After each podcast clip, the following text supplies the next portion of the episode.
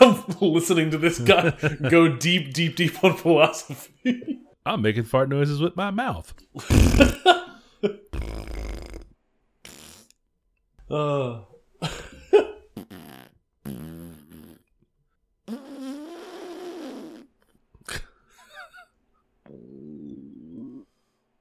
That was a good one.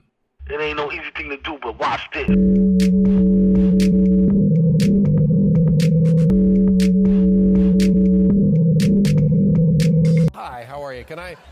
Help you with something? How you doing, man? This is the Safe as Milk podcast, where Adam and I get together twice a month to use bad words to talk about things we like.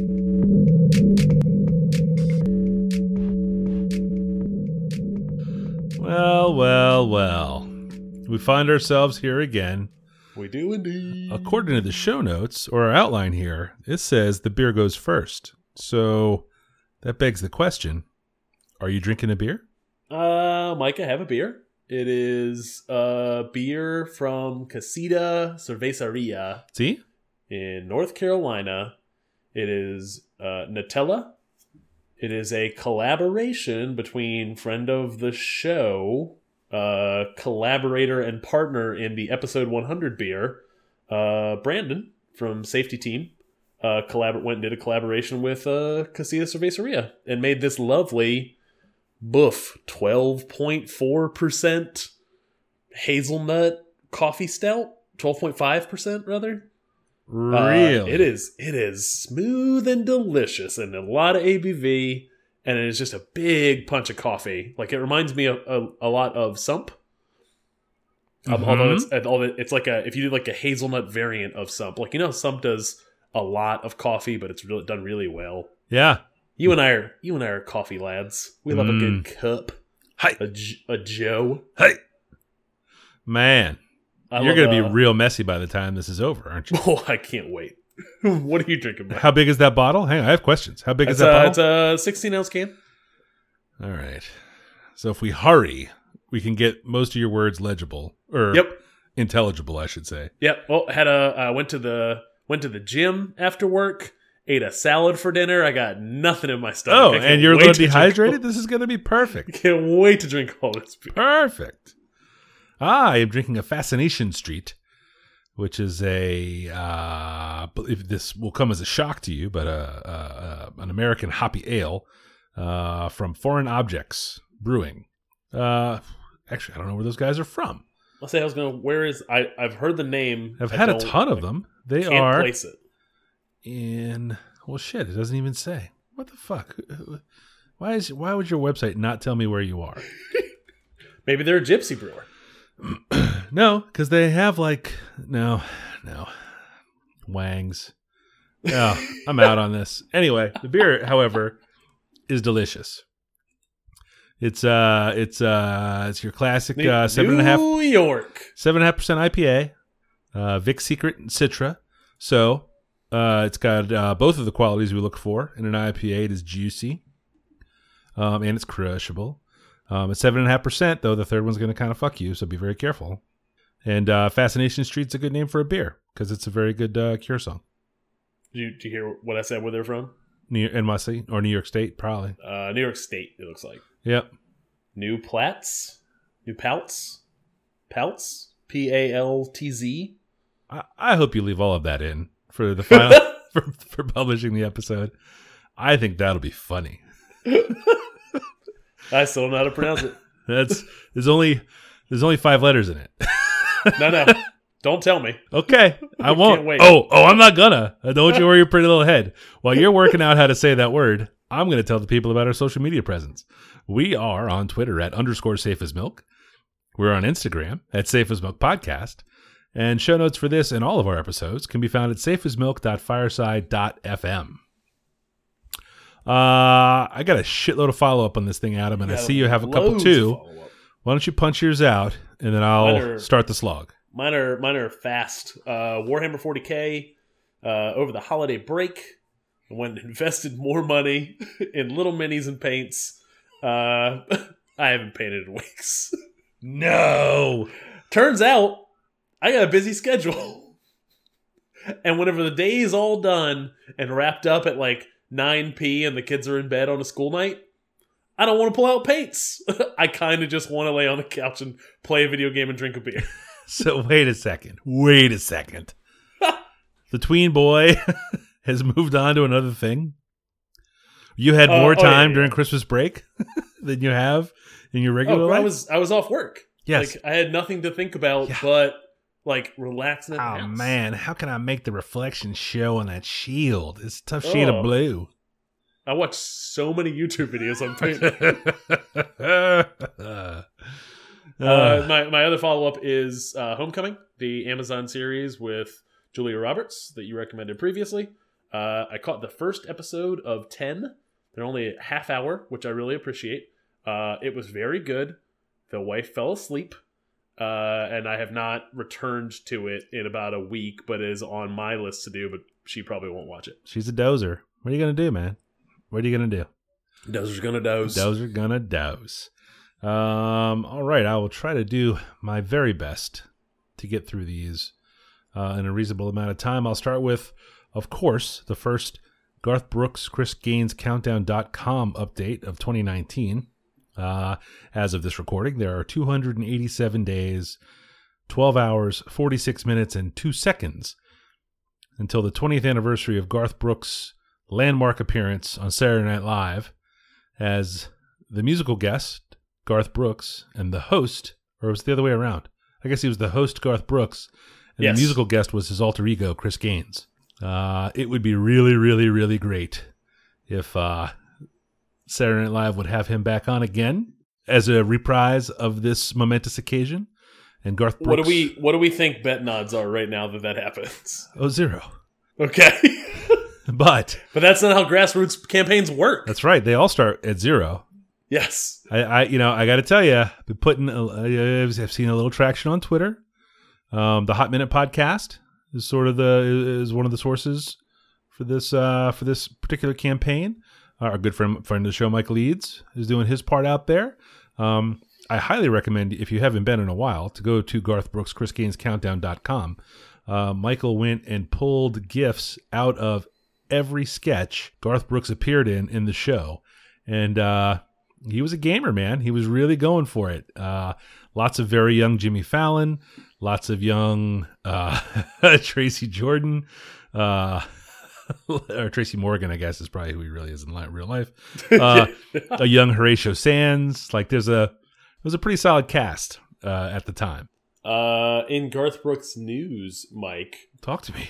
tasteofcountry.com says Garth Brooks teases vinyl release. He says is unlike any previous vinyl release he's put out. Oh my God! If it's a Chris Gaines vinyl release, what are we gonna do? Rejoice? It I may know. break the whole internet, but it'll break mine. ticker ticker take parade. uh, Gris, the uh, very fun, very pretty uh, video game that uh, we have talked about. Uh, I finished the last bit after uh, you spoke so highly of it uh, last episode, and uh, boy, I would play more games like that. Uh, Yeah. That was really, really good. Um, I need to figure out how to go back in and unlock and solve some of the puzzles that I didn't get to. It looks like uh, they seem to present you with a checklist at the end, and I had a lot of gaps on that, and I would like to go back um, and refill them. Um, in iOS game news, other other game news from from uh, my humble perspective, I deleted Holedown and Clash Royale from my phone. Uh, probably like ten days ago. Uh, I'm hanging in there. You know, most of the sweats are gone. Uh, some of the muscle cramping is still there. Um, uh, as a net effect of reducing my overall screen time, uh, which which was a thing that I we talked about was a topic on the show uh, not too long ago by almost thirty percent. Um, so it's a, a glaring indictment of uh, uh, the wasteful use of my phone with those goddamn iOS games. But they're gone now, and that's okay. While you have recovered screen time, like you have recovered time that now you can spend like a currency. Have you ever tried Brawl Stars, which is the next game from the Clash Royale guys? No, All right. I tried it. I didn't like it. But I also didn't care for Clash Royale. This could be your next game that you spend tons of time on. it may. Well, it turns out I will need a new game to spend tons of time on because I am Ping Pong King, which was yet another iOS game I brought to the show and raved about. Um, I beat it.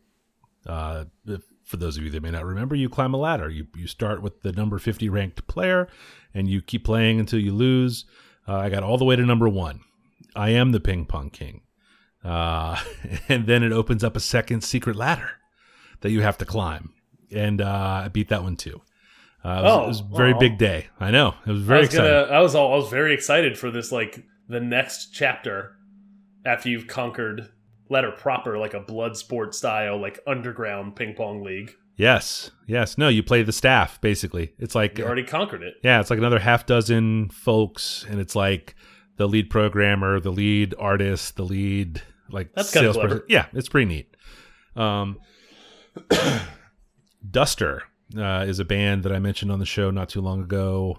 Uh, they have oh, their whole catalog is being reissued uh, from the Numero Group, which is a record label I've talked about here on the past. Um, that's coming soon. I think it's early February or early March. Um, I know Duster has gotten back together and they're playing uh, at least a couple of dates on the West Coast. Um, uh, but boy, that that sure is good music. I don't know that I'm going to hunt down the uh, the big box set with uh, the three proper LPs and a fourth of uh, sort of odds and sods, but um, uh, I may spring for like the CD set so that I own it physically. But really, it's the sort of thing I would just kind of pump into a computer so I could have it around on my phone. Uh, Hot Ones, which was uh, really just like a talisman for our show, uh, certainly through the first year and a half or so. We dedicated a whole episode 50 to it. Yes, we did. Uh, most recently had Gordon Ramsay on. Uh, apparently, to hear them tell the story, he was by far their most requested uh, future guest, and he was on, and it was pretty funny. Um, started a little slow, but uh, as the heat sort of ramped up, uh, you know, it was it was pretty entertaining. It looked um, it looked like it hurt, which I, I think probably, uh, as far as Gordon Ramsay is concerned, rubbed some people the right way.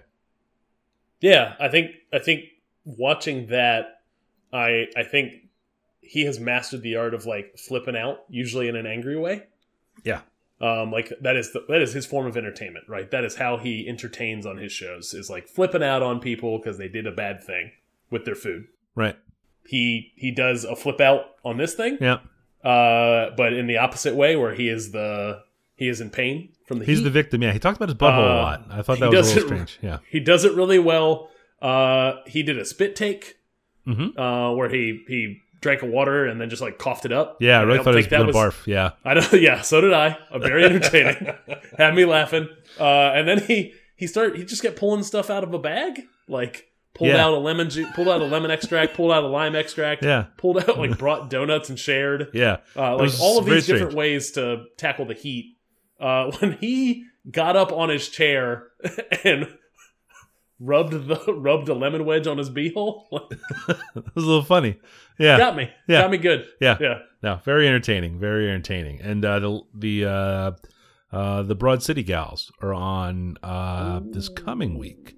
Ooh, I'm very excited about that. So Uh, we'll see You know, that that should that should be part of the follow up. The final season uh, episode one just aired. It's on my DVR to watch. Oh, there you go. So I am looking forward to to the final season of Broad City. All right. I talked a lot in follow up, so why don't you start us off with the picks this week?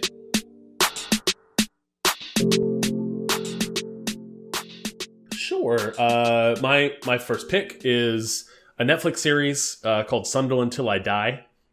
Um, I, I talked previously about the Manchester City Amazon uh, series where they essentially they covered a, a season of Manchester City essentially winning two of the four cups that they could win.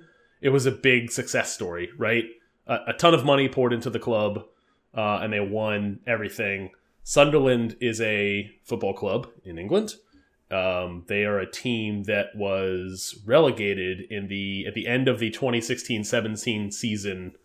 They were at the bottom of the table, which means they had the worst record um, in points, which means in English Premier League they get relegated. Top three, uh, sorry, top four get to go to the Champions League, which is a like a European championship to determine the best club bottom three get relegated to a league below. So the equivalent of, I know you know this, but for the listener, um, which is the equivalent of like if an MLB team uh, played played a bad season. Let's let's use the Mets.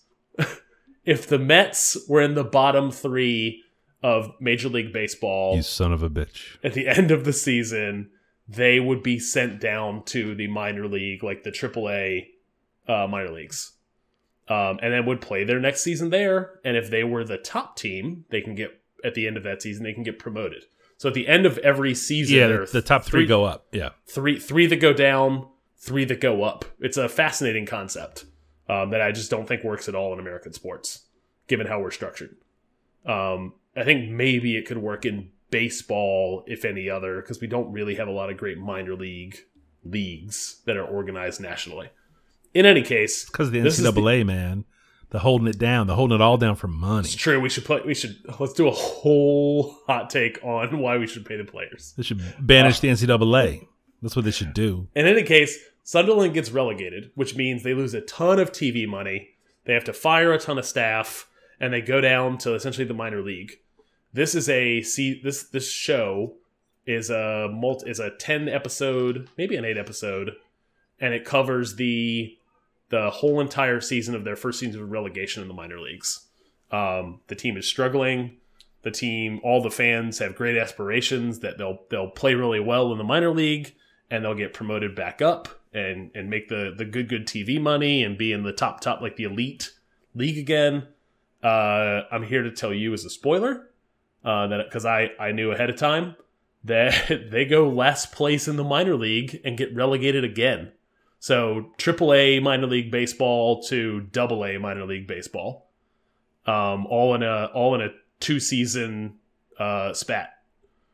Um, their owner uh, decides essentially the, the the the the through line of the story is that the owner decides he doesn't want to put any more money into the club, that they will live and die on their transfers, meaning trades, and how much money they can make off of transfer fees and trades and that kind of stuff, and they just don't have enough assets to to to do anything in the transfer windows or markets. Um, it is a it is much more fascinating than Manchester City thing. It is it is essentially seeing a team go through crisis to the point where I was at certain points I was like, who authorized this documentary to be made? Like, someone gave this camera crew tons of access to see essentially a team that is the heart of a town, the town of, of Sunderland, fall apart. Like this, the the team. Um, it is it is all the all the human emotions are covered in this in this season of the show. It is a fascinating, fascinating, fascinating like docu series uh, to watch. I, I'd highly recommend. Now, New Sunderland is one of those teams that uh, I think has a fairly storied Premier League or or uh, God, what do they call it? Uh, yeah, Premiership. Uh, Yeah, they they've spent a lot of History. time like out of out of relegation in the in the elite, like the top top league. yeah, Yes. and this is part of the problem with I, I, you know, maybe maybe they do they talk about how this is part of that sort of foreign ownership problem where the if the owners Yeah. just decide to stop putting money in, that's what happens. Correct. Yes, yes. I think that's the everyone anybody who has an owner that is putting money into the club, and it's not all just foreign ownership because I think there's still Premier League teams that don't have foreign ownership that are still doing well. Um, but if you're like, there's a top six in the Premier League. All the top six like have way too much money to play with compared to the uh, the other 14 teams. Um, the other 14 teams are essentially like fighting for scraps is probably the wrong word to use, but it kind of feels like that a little bit. Well, you know those mid-table teams, uh, you know they But get you they a- get they get TV money. Yeah, all But then you have a. Leicester City. You have a Leicester City that like finds a finds a shape, finds a way, and win wins the Premier League. Like there is moments, there are moments like that. Um, Sunderland is not that team. Uh, I I I find myself. Uh, I found I found myself at the end of the thing because it's under new ownership at the end. I, none of this is spoilers. I find myself uh, rooting for that team. If that team, I'm not going to go watch League. The hell is it called? League One, which is below the the essentially the the championship, which is below the Premier League. I'm not going to go watch League One games. but I've I've found myself periodically checking in on a monthly basis to see what their record is.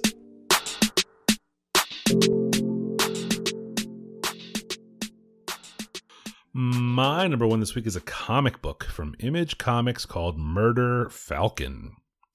Uh, I am not familiar with Daniel Warren Johnson, uh, the creator of this book, uh, but it is pretty cool and pretty good. Uh, the gist of it, let's see, what's the tagline here? With every chord Jake plays on his guitar, the power of metal fuels Murder Falcon into an all out kung fu fury on those that seek to conquer Earth. It's time to shred.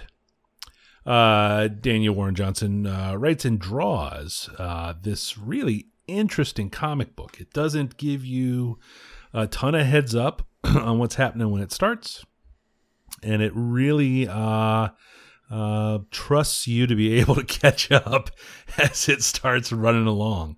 Uh, the first four of them are out. Uh, number five is due the middle of February, and uh, each issue has um, what do they call them? Not alternate covers, alternate covers, limited covers. What do they call the other covers? Like there's a regular. Foil covers? They're don't know what you're talking about. foil. The art is different on them. Um, so basically, it's about heavy alter- metal I think it's alternate covers. You can go alternate that. covers alternate covers um uh that are where the cover art is done in the style of a famous and iconic heavy metal rock and roll record um uh the gist of it is uh you know maybe it's a little cthulhu y, maybe kind of um but the humans here uh jake and the rest of his band brooticus uh spelled b-r-o-o-t-i-c-u-s uh, have fallen on hard times. It was Jake quit the band rather unceremoniously, and the band split up. So the first part of the story is getting the band back together. Uh, Murder Falcon just kind of shows up without any sort of exposition, uh, but then you see where the other band members have uh, not their own Murder Falcons, but their own uh, sort of avatars that they imbue Spirit with power. animals? Kind of, yeah, but they imbue these avatars with power uh, by harnessing the fury of uh, of sick riffs and metal in general. Um, where shirtless bear fighter, which is uh, what I thought this might be when I started it, uh, was sort of a cheeky, um, uh, clearly in on the joke uh, sort of story, uh, especially with all the digitized uh, nudity.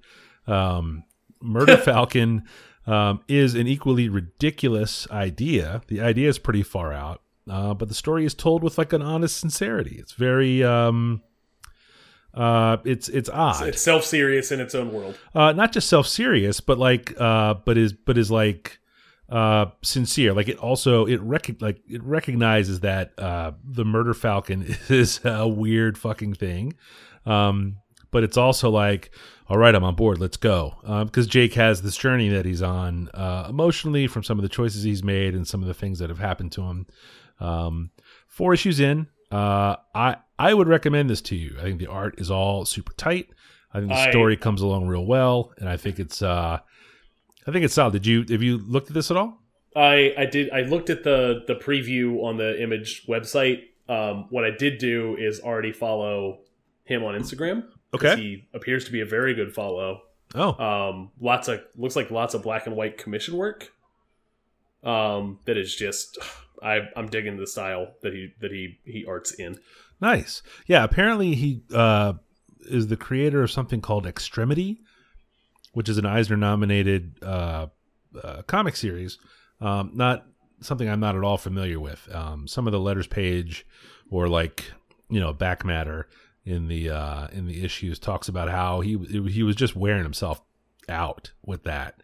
Um, kind of ended up in in a little bit of a burned out place. Um, and this was an idea that came to him uh, sort of out of all of that. And there's, uh, you know, it's clear that he loves heavy metal. Um, did you ever read Infinite Kung Fu? I did not. No, that's um, that's a really really cool one. Um, uh, Kagan McLeod, I think is that guy's name. He's uh, man, that's a really there's a that's a really cool story, but it's um, Kagan McLeod was heavily, heavily influenced by kung fu movies, much like The Wu, right? Okay. Uh, yeah. So all of all that big stew of kung fu movies are what uh, he sipped on as a kid, and then created this story, Infinite Kung Fu, um, in his style, which is um, uh, pretty easily recognizable. Um, I would definitely recommend Infinite Kung Fu if you haven't seen it. Um, Murder Falcon uh, is is nothing to do with you know they're not at all alike, except that you can tell that their uh, stories uh, sort of uh, built on a steady diet of this thing that they're passionate about. Where it was kung Yeah. fu there, it's heavy metal here, and um, I'm I'm uh, eager and curious to see where this goes. This was uh, Nice. Oh, Is a this- sponsorship is this- opportunity. Uh, this Ooh. was recommended to me by uh, Pat Godfrey and the good guys down at Velocity Comics here in Richmond, Virginia. Um, Pat, you know, even if you don't like superhero, if you love superhero comics, Pat will tell you where to go, and if that's not your thing, he'll tell you what's good otherwise. Hmm, I can work on that tagline, but Yeah. um, yeah, yeah, super good. Uh, Murder Falcon. Uh, he, you know, he because he gets into the into the thing, you know, and he's like he starts calling him Murph, which is short for, for Murder Falcon. You know, like it's it's real good. It's and there's Yeah. stuff like that all through the whole thing. So Is this and this is not collected yet? It's all single issues. correct. It is not collected yet. There are only four out. So uh, I think we're approaching the big boss. Um, you know, it looks like they have the first half dozen, maybe seven issues mapped out. Um, but uh, you know, the first first sort of uh, thread is it, it might be wrapping up. I'm not exactly sure. It looks like there's some death metal guys that show up soon. I don't know. We'll have to see how it shakes. But uh, yeah, Murder Falcon. Cool.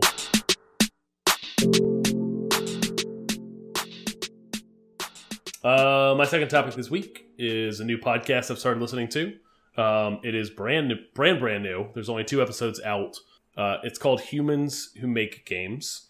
Uh, it is by is hosted by Adam Conover, who I was familiar with from the TV show Adam Ruins Everything.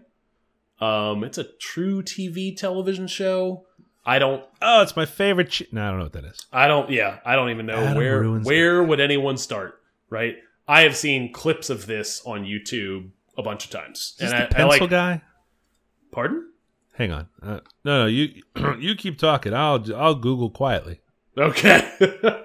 uh, he he uh, he is a, a stand-up comedian. Uh, his show essentially goes like deep dives on topics that explains them um, in a very humorous way, like airport security. He'll go just do a deep dive on uh, everything about airport security and what uh, essentially debunks stuff.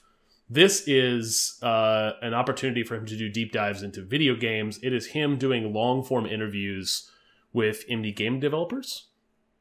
Um, I didn't know this existed uh, until he came on. He guested on another video game podcast that I listen to regularly called Waypoint Radio. Um, I'm realizing now that I've never talked about this podcast and how much I like it. Uh, but video game podcast I enjoy. He came on as a guest and clearly demonstrated like a deep, deep, deep, deep interest in video games. Um, and was obviously he was on to promote, but uh, didn't feel like a on to promote kind of thing. It was uh, he just riffed with all these uh, game games media critics and writers about video game topics for a really long time. Just like felt like he could go forever.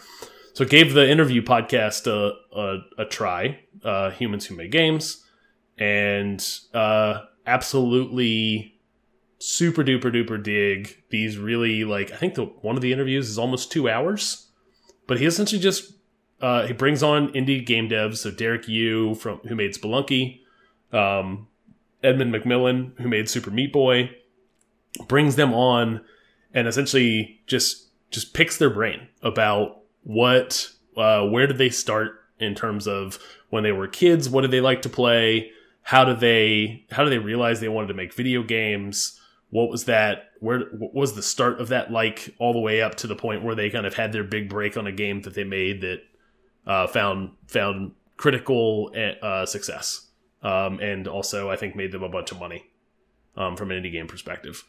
Um, both of the guests are very good at explaining um, their process and all the thought that goes into making a good video game. And the host is he's a stand up comedian, so he keeps it entertaining. Um, has great comedic timing, um, and also just seems super fascinated in the process of making games. Um, and this is kind of right up my alley. Um, I've listened to other podcasts about how games are made and interviews with indie devs. None of them have ever really stuck in terms of a thing I come back to. I can't wait for the third episode of this thing.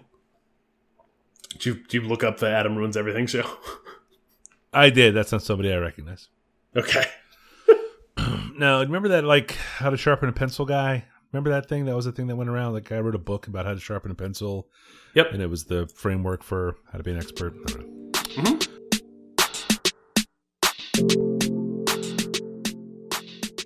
Uh, my number two this week is a series of YouTube videos called Mother Fork and Morals with Dr. Todd May. Uh, Dr. Todd May is a philosophy professor um, and is the philosophy consultant on The Good Place, a television show that I have talked about at length uh, here on our show. Um, the gist is they uh, they are excellent four minute explainers about uh, important philosophy concepts um, that are illustrated narratively on The Good Place. Uh, I found this series fascinating. Uh, he does a terrific job of communicating. Dr. Dr. May uh, does a great job of communicating. I feel like fairly obtuse, and I only say obtuse because I'm not exactly sure if that's the, what it means in this particular context. Um, but just like heavy shit, right? He's covering heavy shit in like what four or five minute episodes. Yeah, yeah, and like breaking it down so I don't know, uh, Luddites Luddites like us can understand. Ideally, yes, and if not understand, uh, talk about how a concept such as psychological egoism is uh, a big part of this narrative arc in these episodes of The Good Place, and uh, uh, I love that show. We, uh, I guess, the most recent season just wrapped up last week, and um, uh, all the different things he touches on in here, you can see. Uh, it, it's really just A to B. It's really, really, really terrific. Um, uh, you know how, um, like the Big Bang Theory is just sort of nerd blackface, and Mike Yes. and Molly is just fat people blackface. Uh, the Good Place is kind of just like you know how can I tell this story about philosophy without actually talking about philosophy, and it's just it's just like that. It's that good. It's really, really sharp. Uh, the way they have constructed this half hour sitcom on NBC uh, to expose a broad population to real, serious, philosophical points of view and just sort of morality uh, is re- it, gives me the giggles, frankly, to think about it because it's uh, it's absolutely crazy uh, that this gets to be on TV. It's Mike Schur. Uh, are you familiar with his work? Um, he's the uh, Brooklyn Nine Nine guy, and uh, So he came on, from The is Office. Is he the one making these He, explainers? he makes The Good Place.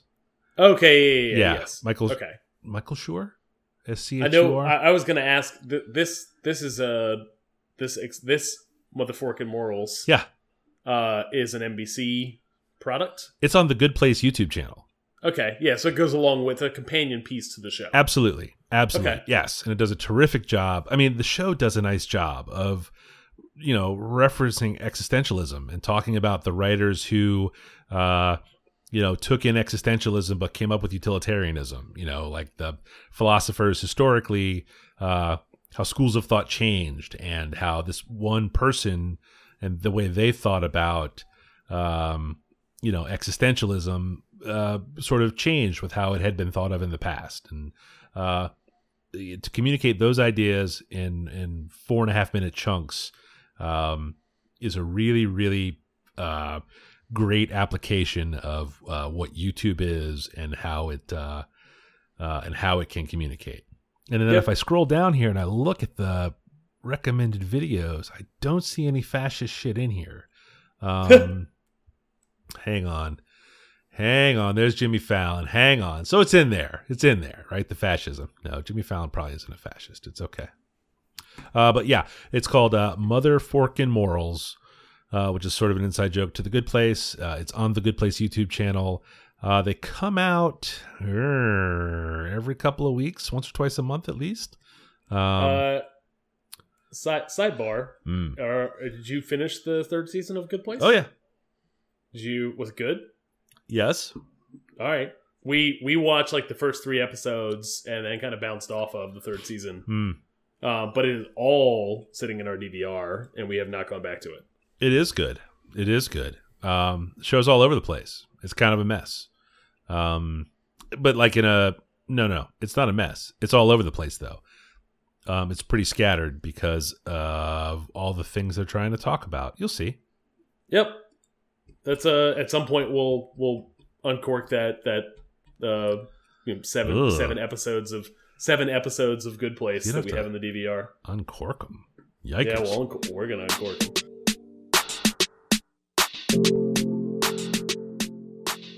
Uh, Mike, my third topic this week is video game. Uh, it is a game I've played on the Switch. It is a game I have loved on the Switch. It is called Celeste. Um, it is a 2D platformer. Uh, in the in like has it has Mario DNA in it. Um, in that you were essentially traversing a world. Um, this is uh, much more akin to kind of modern 2D platformers, which feel like they tend more towards the difficulty, like high difficulty spikes, um, essentially forcing you to uh, execute. Uh, you know what you have to do, uh, you just have to execute it right. And what that means, uh, a la Super Meat Boy, which I talked about earlier, is a game where you might die many, many, many, many, many, many times uh, before you finish like uh, a single a single screen. Everything's broken up into single screens. You can save at any time and walk away, which I have done many times in frustration. Um, but you see everything you have to do on the screen. You have all the tools necessary to you. Your dumb, dumb hands just have to execute on it. Um, and they're going to fail, and they're going to fail a lot but the elation you will feel when you finish that screen is unlike anything else. Um, it is a it is a game that is a it's a two it's you know pixel art. It's uh very very simplistic in kind of what it puts in front of you. You don't have a ton of abilities. It's really just here's a tough thing that requires timing and execution. Do it. Um, it it is it the story is centered on uh, a woman who is uh, essentially trying to climb a mountain, um, but it plays with mental uh, struggle. It plays with essentially like uh, the dream world. Um, it does a bunch of interesting stuff from a story perspective, but that is all a backdrop to and a bit of a reward to completing stages in the game. Um, I think when I got to like the third world and finished it, uh, I, I want to say I died 300 plus times because it tells you. On the one screen? No, no, no, no. In the whole entire third world, I died like 300 plus times. How many screens in On the a- world?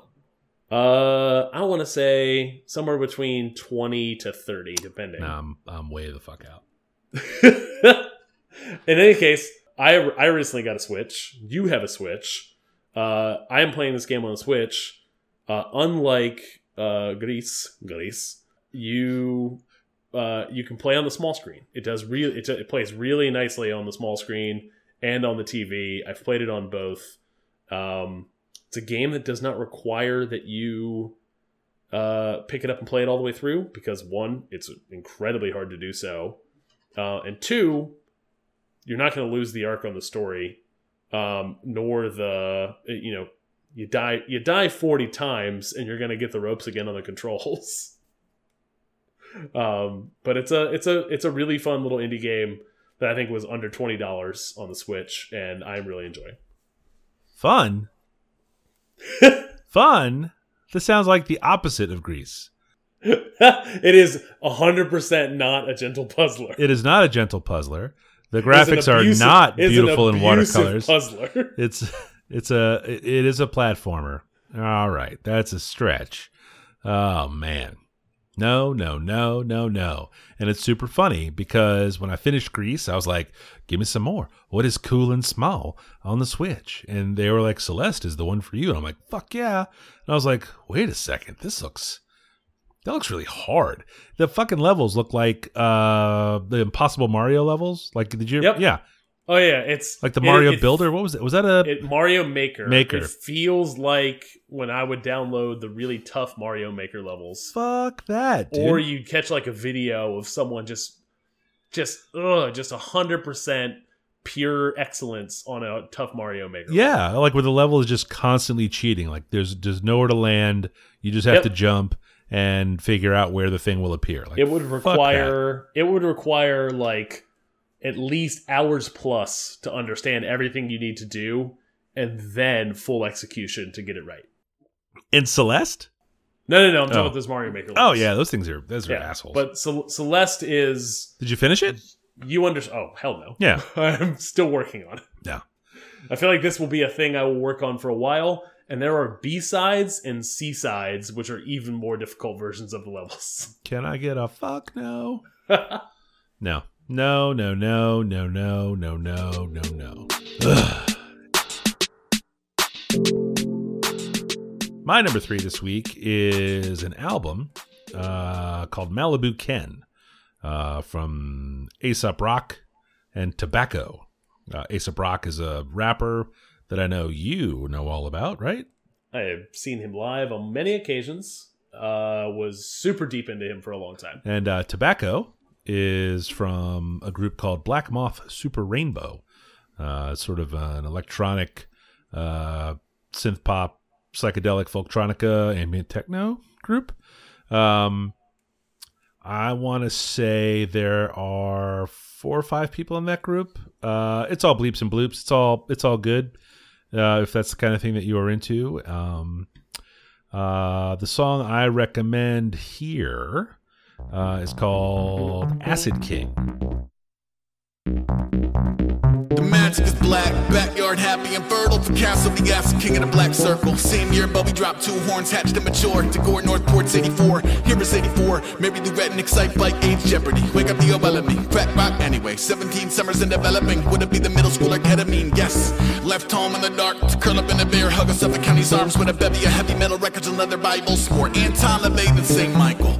More Sherman and Ford on bricks behind Midas. Fly with the pentagram pilot. Sabbath and Judas and all tunes prudent. Seems tame now, but then it was devil music. Brick six, the nickname clicks. Makeshift altering and clearing in the sticks. Forfeited kitten by the forks from the kitchen. But horsemen who drew the same symbols. Pitchforks waving at a grand theft 4x4 support system, alas. Hanging so the axe in the back. Foreground up, Uh, but I would recommend against the music video because it gets pretty gross.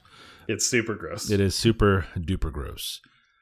I have been a longtime fan of Aesop's collaborations on things. Uh, for some reason, I've never been able to get into his like proper solo work. Um, His early, early, early stuff, like first two albums, yeah, like when, when he had an album that Blockhead, Blockhead, another Bleeps and Bloops yeah, guy who I love. big Blockhead, Blockhead? fan. Yeah, Uh, he had an album that was fully produced by Blockhead, every single song, and that album is amazing. yeah, And then he had a long period of time where he was figuring out that he wanted, like, how he wanted to produce music on his own for his own rapping, yeah. and not not as good. Um, I've heard that his later work, most recent work, is is kind of returned to form. Yeah, I, I've realized now that I'm kind of that's not the kind of rap I listen to anymore. yeah. Um, Um, I, I do enjoy Malibu Ken though. Malibu Ken I think, has been quite good. Um, Bazooka Tooth was a record of his that I kind of really enjoyed, um, but but not all of it. You know, it's just one of those things. When the guy shows up on stuff, um, his verses kill, and um, I like his voice. I like his flow. He raps on time. Uh, checks all the old guy rap fan boxes. Um, uh, but uh, he, always seems. Oh, is he Stepfather Factory? Is that him? Uh, Stepfather, what Is that a song from Aesop Rock, that or is that from- label? That, No. I think that, that yes, that sounds familiar. yeah, Stepfather Factory. Uh, It's very funny. That was a hundred, not 120 minutes, but no, that's El-P. Uh oh. Well, he was on El-P's. He was on El-P's label. Like when El-P had a label that, like a, a backpack rap, like alt rap, label for forever called just uh Def Definitive Jux. Yeah, yeah, yeah. Yep. Uh, he was on Aesop Rock was like one of the the top artists on that label. This is a good record. Did you ever listen to Dâm-Funk? Yes, you because you have recommended on multiple occasions. Yes, I have. Yes. Uh, so that is a guy who makes music that is very much in a, like an early 80s synth heavy uh, sort of funk vein. Um, was a big fan of that guy and his early work. I am not super familiar with his Snoop Dogg collaborations, but I, I can't imagine it's bad. But that's what the tobacco production on this sounds like. Um, uh, it's very, very good. Uh, the album cover is super gross. Uh, I almost skipped it. Uh, the album cover is a still from the Acid King music video, which again, uh, really, the song's much better. Uh, That's how I, I was introduced to this because the Acid King music video, Acid King music video, was up on our, the Hip Hop Heads Reddit. uh, Corn Maze is the first song on the record. Um, it is also very, very good. Um, and the video is much less gross. Uh, it's a little creepy and kind of uh, I don't know, disturbing is not really the right word, but uh, uh, it's good. Like it's the whole thing is good. Um, uh, I would recommend it to you if you are a fan of Aesop Rock. Um, it's tricky when these guys put stuff out. Uh, like Malibu Ken doesn't sound like it's anything that anyone would pay attention to, but when you find that it's Aesop Rock, uh, you're definitely going to want to maybe give it a shot. Tobacco and his production work here makes me want to maybe check out Black Moth Super Rainbow a little bit. That's just one of those groups that's been around forever and ever and ever. And I don't know why I haven't listened to them because they've been around forever. But uh, that is my number three this week. Uh, real quick note: the the album that I absolutely love, love, love, and have tons of nostalgia for from Aesop Rock is Labor Days. Labor Days, uh, 2001 album that Aesop Rock, Blockhead, and Omega One did production on, and Blockhead is on m the majority of the tracks. Blockhead's a good DJ name. Yes. It's no Dijon. Or no, It is not. I mean, it's no DJ Mustard. Yeah. that guy's so good.